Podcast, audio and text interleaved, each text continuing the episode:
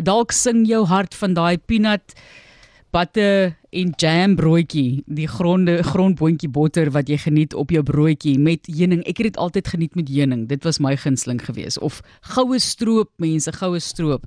Maar daar is mos nou groot stories op hierdie stadium waar sekere produk, produkte van die rakke verwyder is en daar is gesê dat die produkte getoets moet word. Ons praat met Adri Botha, sy is die voorsitter van die Suid-Afrikaanse Grondboon Forum en ons praat met hulle oor wat tans aan die gang is en wat hulle posisie daarvan is. Baie welkom aan jou Adri. Marlies baie dankie. Julle is omseker baie bedrywig die afgelope tyd, né? Dit was nog 'n besige week of twee. Ek sal nie vir jou jok nie nie. ja, ek kan dink julle moet baie baie besig wees op hierdie stadium. So vertel net vir ons bietjie waar in die land word grond grondboontjies dan nou geboer.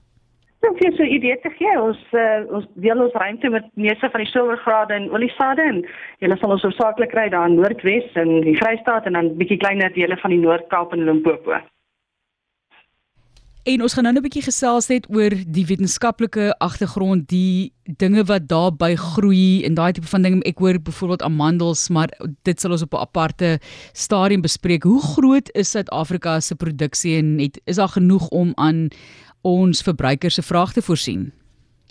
Weet ons het toevallig net gister ons eerste amptelike oeskatting vir die seisoen gekry en ons is nogal baie opgewonde. Die aanduiding is uh, net so oor die 64000 ton wat in vergelyking met die ander oeste nou nie baie groot is nie, maar vir ons toon dit dan so 21.5% toename in opbrengs aan as uh, ons vergelyk met vir verlede seisoen. En dan om jou idee te gee, so die afgelope 10 jaar voorsien ons uh, plaaslike produksie aan so wat 63% van die plaaslike aanvraag wat ons nou net balans natuurlik moet invoer. 'n uh, Substansiële volume daarvan kom van Suid-Amerika af.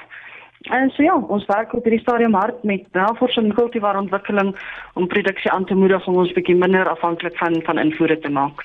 Hoe word dit gereguleer in Suid-Afrika? Dit is nie veel sê ons bedryf is oor die algemeen baie goed self as sowel as staats gereguleer. Is verskeie vlakke en verskeie gedele van die wetgewing rondom sertifisering, kwaliteits- en en voedselwetgewing. Uh boonbehalwe natuurlik die normale vereistes wat maar in enige voedselhandelde en vervaardig gestel word.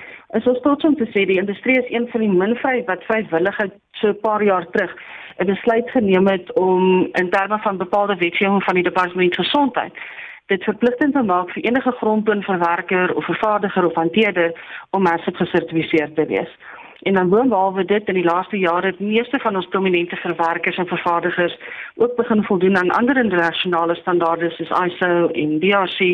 Ehm um, ons is nou juist besig spesifiek met wat nou gebeur het om te kyk na planne om hierdie sertifiseringsrekords op 'n vrywillige basis meer toeganklik vir ons aankopers en en die algemene publiek te maak.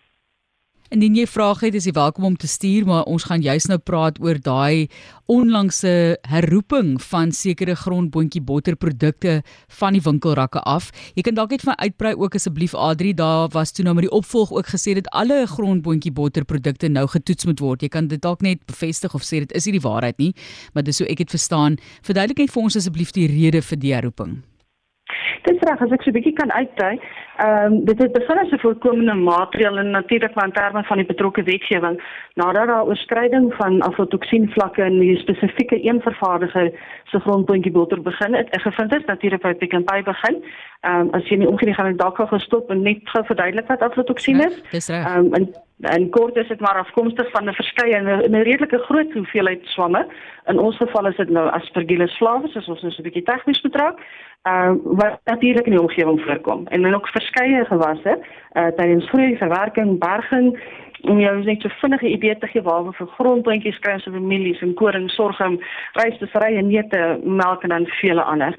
Ek dink op die stadium is dit al redelik algemeen bekend in die media watter handelsmerke onttrek en dan verlede week volgens Penny Campbell die direkteur voedselbeheer by departement gesondheid is die oorsprong van die produkte tot dusver nog nie afkomstig van die een grondboon watervervaardiger asof natural butters wat in die Weskaap gelees Nou die maatskappy is ongelukkig nie betrokke by die forum nie en as sulks die ons die departement versoek om ons nou maar woord te hou oor soos die die die bevindings beskikbaar. Ehm um, die groot grondbotterhandelmarke in die land het onmiddellik reageer uh mediaberigte uitgereik en vrywillig so lank begin om toetse te doen. Maar soos jy dan nou ook verwys, hierdie nasionale verbruikerskommissie die stappe geneem om seker te maak en daai versoek uit te rig om te sê om die stap te verder te vat na verskeie produkte uit te reik. Ons ondersteun dit ja hartlik op die stadium want ek dink ons is op 'n punt om seker te maak om te sê waar staan ons in die land? Ons het as 'n forum het ons reeds uh, laat verlede jaar uitgereik na die departement gesondheid en gesê ons ons wil graag 'n ronde tafel gesprek bietjie met hulle hê om bietjie te kyk na toepassing van wetgewing. So die die tydsberekening is eintlik vir ons ook baie goed om deur so 'n projek te gaan. Ons gesels oor grondboontjie bot spesifiek grondbone en dan natuurlik die grondboontjie botter of die ander grondboontjies saam met rosyntjies of nie wat jy baie keer geniet. Is daai afvlak te sien impak slegs op die grondboontjie botter? Um, mens kyk ook na roomys en ander tipe van produkte en soos ek nou verwys het daai handvol wat jy lekker hap wat so soet en sout vir jou gee. ek het ook die enigste wat ons nou tot ons beskikking het soos wat met ons gedeel is deur die departement blyk dit daarom nog of die probleem beperk is tot die grondpuntjie botter van haar spesifieke vervaardiger en dan nou die produkte soos die roomys waarna jy verwys. Ehm um, gegee die algemene streng toepassing van die standaarde veral dan deur die bekende handelsmerke en die partye is dat dit nie geen onmiddellike rede om noodwendig nou sommer enige ander handelsmerk grondpuntjie botter of produkte sommer voor die voete vermy nie ons vertrou die proses van die nasionale verbruikerskommissie in die departement um, om ons op hoogte te hou van die nuwe verwikkelinge en natuurlik baie ernstig die regstellende stappe wat moet volg. So my my aanbeveling sou wees ons hou almal 'n oog op die media soos dit ontwikkel.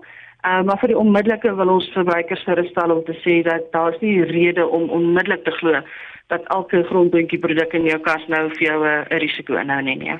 Ja, want jy weet jy hoor daar's een van 'n toksien En dan dink jy by jouself maar uh iemand sê 'n sekere vlakke van die toksien is oukei okay vir jou. Jy weet dan raak 'n mens so half bietjie onrustig oor die saak.